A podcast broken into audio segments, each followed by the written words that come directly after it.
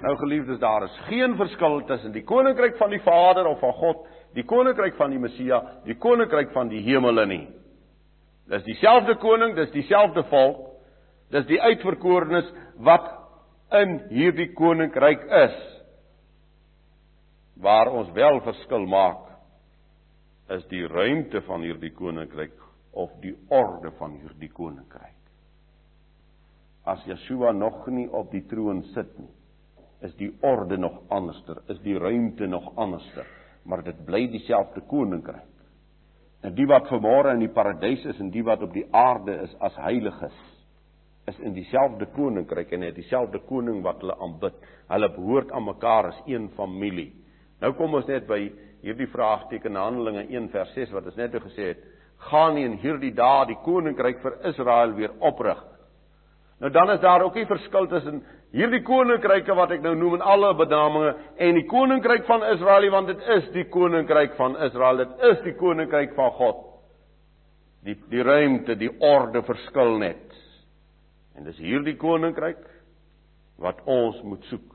Dis hierdie koninkryk wat Matteus 24 waar Jesua dit so pragtig sê en dit geld vir die tye van daar af dwarsdeur en u en ek moet al meer by die waarheid uitkom. En hierdie evangelie van vers 14 van Matteus 24 en hierdie evangelie van die koninkryk sal verkondig word in die hele wêreld tot 'n getuienis vir al die nasies en dan sal die einde kom. 'n Getuienis vir al die nasies. Die koninkryk word verkondig onder die nasies uit Abraham, Isak en Jakob. Al die nasies. En Yeshua sê Julle sal nie klaar kry met die stede van Israel voordat ek terugkom nie. So ons weet baie duidelik, die verkondiging van hierdie evangelie, hierdie koninkryks evangelie. Hierdie evangelie van die herstel van hierdie koninkryk. Dit is wat ons moet verkondig. Dit is wat ons moet bedien in hierdie wêreld. 'n Koninkryk wat herstel word. Wat het die kerk verkondig? Hulle praat wel van die koninkryk, maar hulle het nog nooit van die herstel van 'n koninkryk gepreek nie. Nee, hulle praat net van verlossing in Yeshua. Dit wil sê die persoonlike verlossing in Yeshua. Ek het nie daarteen beswaar dat 'n mens in Yeshua se bloed gered moet wees nie, maar hulle het verloor die koninkryks evangelie dat 'n volk moet terugkeer na hulle Skepper. 'n Volk oor die eeue sal eendag voor hom vergader. Kom ons lees Lukas 17.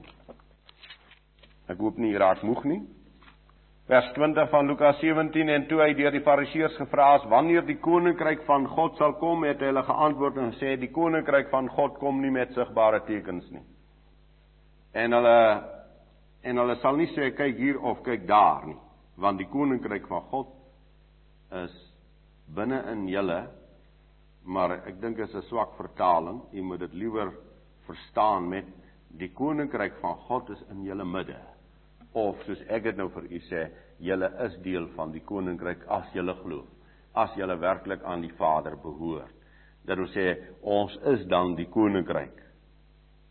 En hy sê vir sy disippels, daar sal dae kom wanneer julle sal begeer om een van die dae die seun van die mens te sien en julle sal dit nie sien nie. En hulle sal vir julle sê kyk hier, kyk daar, Moenie gaan nie en moen agterna loop nie, want soos die weerlig wat van die een kant onder die hemel blits en tot by die ander kant onder die hemel skyn, so sal die seun van die mens ook in sy dag wees. Maar eers moet hy baie ly en deur hierdie geslag verwerp word en soos dit gebeur het in die dae van Noag, so sal dit ook wees in die dae van die seun van die mens. As 'n mens nou die volle konteks hou, dan sien jy mos nou hierdie koninkryk het 'n verborgde stadium gehad in die wêreld. Verborge. Hulle sal hom nie sien nie. Hulle sal hom nie eien nie. Totdat dit die tyd ryp word vir die koms van die seun van die mens. Dan sal hierdie koninkryk na vore begine tree. En hy sal na vore tree soos Noag een kant toe gegaan het en 'n skip begine bou het vir sy familie. Net Noag, soos die woord sê, was nog suiwer in sy geslagte, was nog heilig. Het een kant toe beweeg en die wêreld het spotters van Noag geword. So sal vir vir die koms van Yeshua, vir die groot oordeel op die aarde, gaan die heilige geslag eenkant toe getrek word vir die oordeel van God oor hierdie geslag wat nie na sy stem wou luister nie. En dit sal soos in die dae van Noag wees, die suiwerheid sal verdwyn. Die suiwerheid sal verdwyn. staan die blanke Afrikaners op in Suid-Afrika en maatskappye, soos ek nou weer daar Richards Bay gehoor het, staan hy, ek sal nou maar die van los, so bekende Afrikaanse van, en dan sê hy vir die blanke personeel van daardie fabriek, hier is apartheid verby. Hier is dit verby en so sê hulle dit oor die land. Hier is suiwerheid tot nut.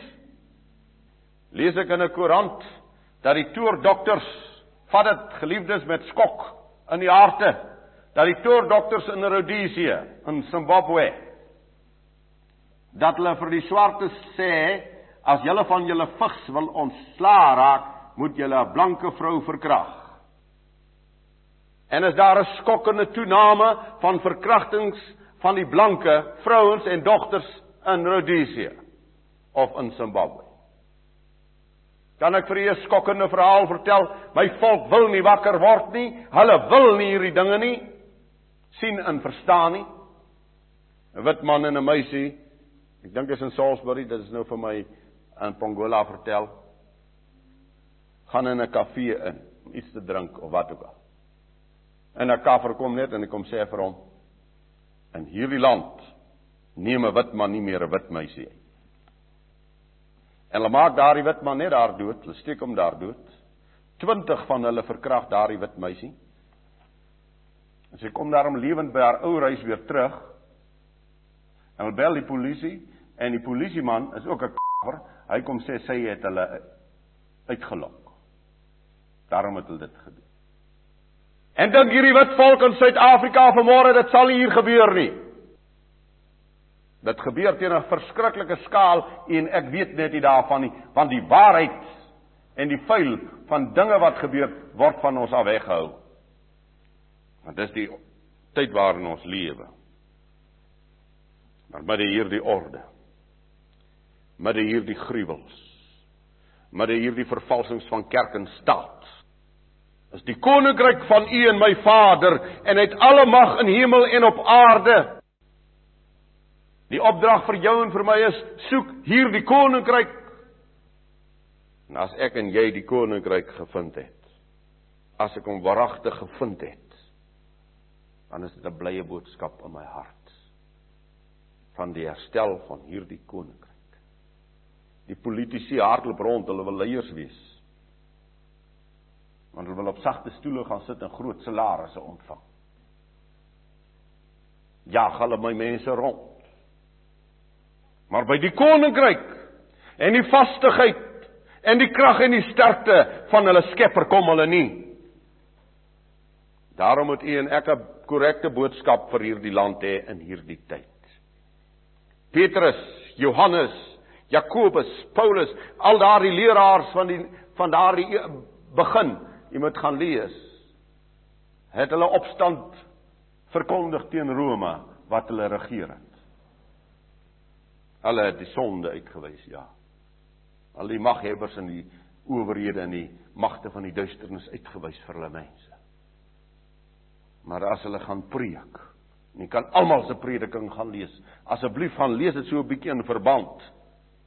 Petrus preek oor die herstel. Hy sê: "Julle verstrooide Israeliete, julle is 'n koninklike priesterdom. Julle is 'n heilige volk.